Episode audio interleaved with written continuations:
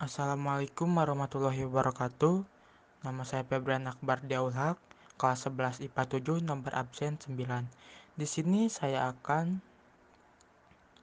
membacakan teks prosedur dengan tema aktivitas tertentu, judul, cara menggunakan Zoom meeting di handphone, tujuan penulis teks, untuk memberikan informasi mengenai cara menggunakan aplikasi Zoom. Sasaran pembaca, guru dan murid. Cara memakai Zoom meeting di handphone.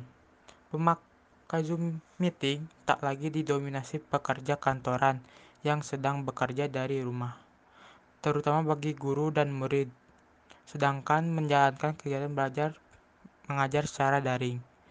Mendaftar atau membuat akun Zoom relatif mudah dan tidak dipung dipungut biaya alias gratis, baik melalui aplikasi di handphone.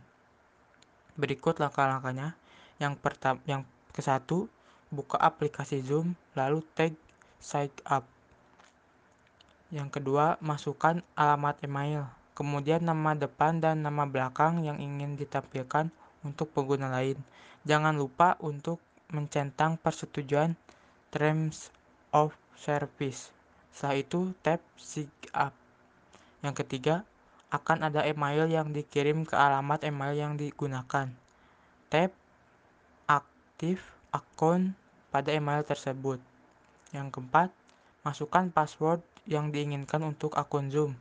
Proses pendaftaran selesai. Akun Zoom sudah siap digunakan. Kelima, jika sudah punya akun Zoom Meeting, kamu bisa memilih sign Tinggal masukkan alamat email dan password yang sudah didaftarkan. Sekian cara memakai Zoom Meeting di handphone. Terima kasih. Wassalamualaikum warahmatullahi wabarakatuh.